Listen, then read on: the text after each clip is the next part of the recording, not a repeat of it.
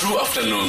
Siqonde ukuba ingaba ke inyani singabantu ekuhlaleni? Asibamkeli abantu abaphuma etrongweni. Yintoni le yenza ukuba kube nzima ukubamkela abantu abasuka ngaphakathi?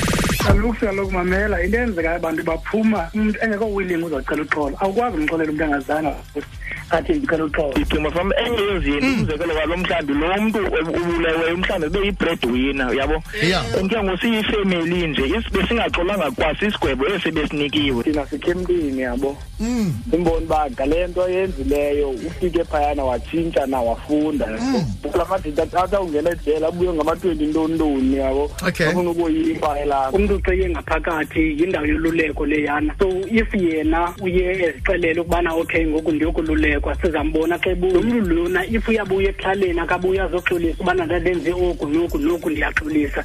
And simbone usakhona inyuwisho usahamba kwezaa ndawo ehamba kuzo zirongo asikwazi umxolela umntu njalo cause siyambona uba usekule nto akakatshintshi useyilaa nto wemkeyiyo umntu uphuma apha e- engekagqibila isentensi yakhe phaa okay. Singekaxoli afike emphakathini aphinde eziziphakamisele inombolo asizokwazi umkela funeke utshintsho liqale phaa kuye. Kuye.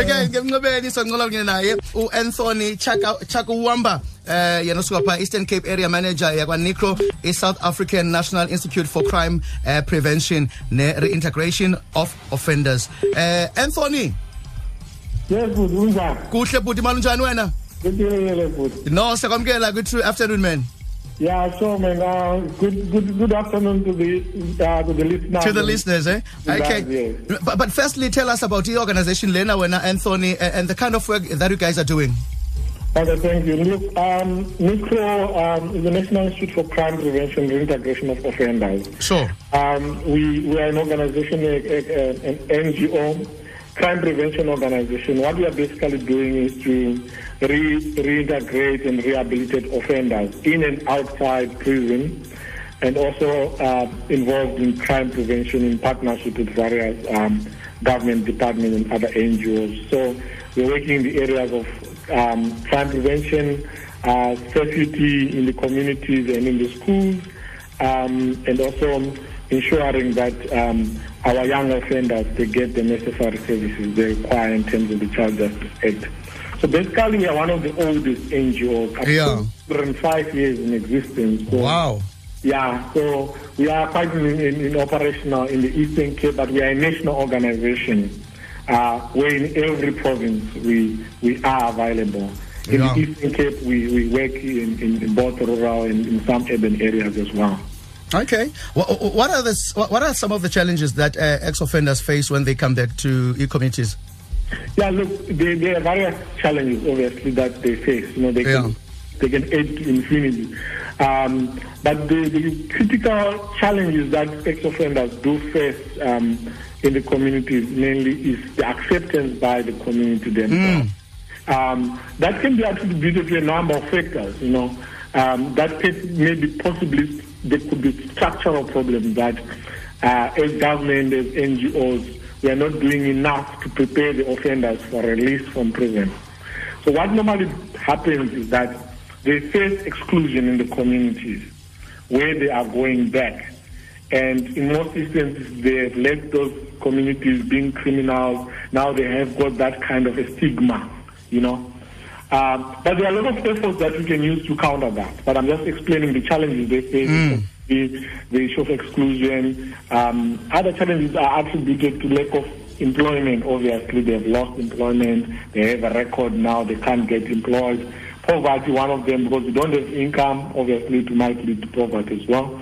Um, so there are a number of challenges. Some of them might have dropped out of school now. To go back to school is another challenge again. So there, there can be a hell lot of challenges that our ex-offenders face um, within the community. But most significantly, the critical challenge is that aspect of social exclusion, where they are stigmatized by the communities is, uh, themselves, fail even to understand uh, the, the, the nature in which they come from prison and failing to be accepted by the same community where they are coming from.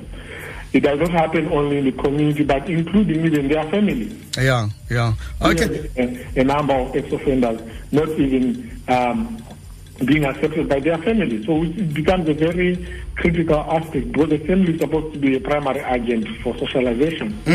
If you are excluded by your own mother and father, just imagine what happens. Okay. Uh, So in our in, in our in our working with them, we identify this kind of challenge. But I'm Okay. telling you, there are a lot of them that we are working through the ex-offenders program. Okay. L- lastly, Anthony, before I let you go, what is the responsibility of the community towards these ex ex offenders to make them uh, welcomed?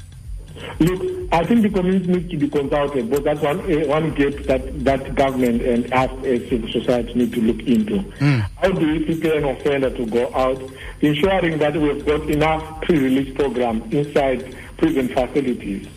Not only that, we need to consult with the families before the release of the person, because that is a requirement by by, by Correctional Services Act that there is need for pre-release programs. We need to consult the family the families of these people so that they know that they're being uh, uh, uh, released and they are going back to the environment where they are coming from. And also, victim offender mediation is very importantly. Because Okay. most of these people they are not being accepted and social, they face social, social exclusion because their victims are still based in the communities.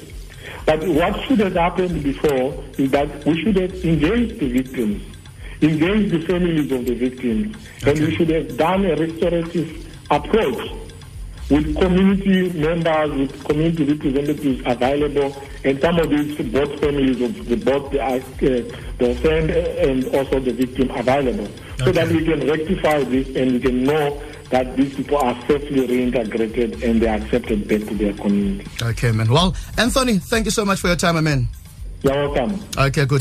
True afternoon, afternoon, afternoon, 3 to 6 to 6. Lux Kidana and Petu on True FM like no one else.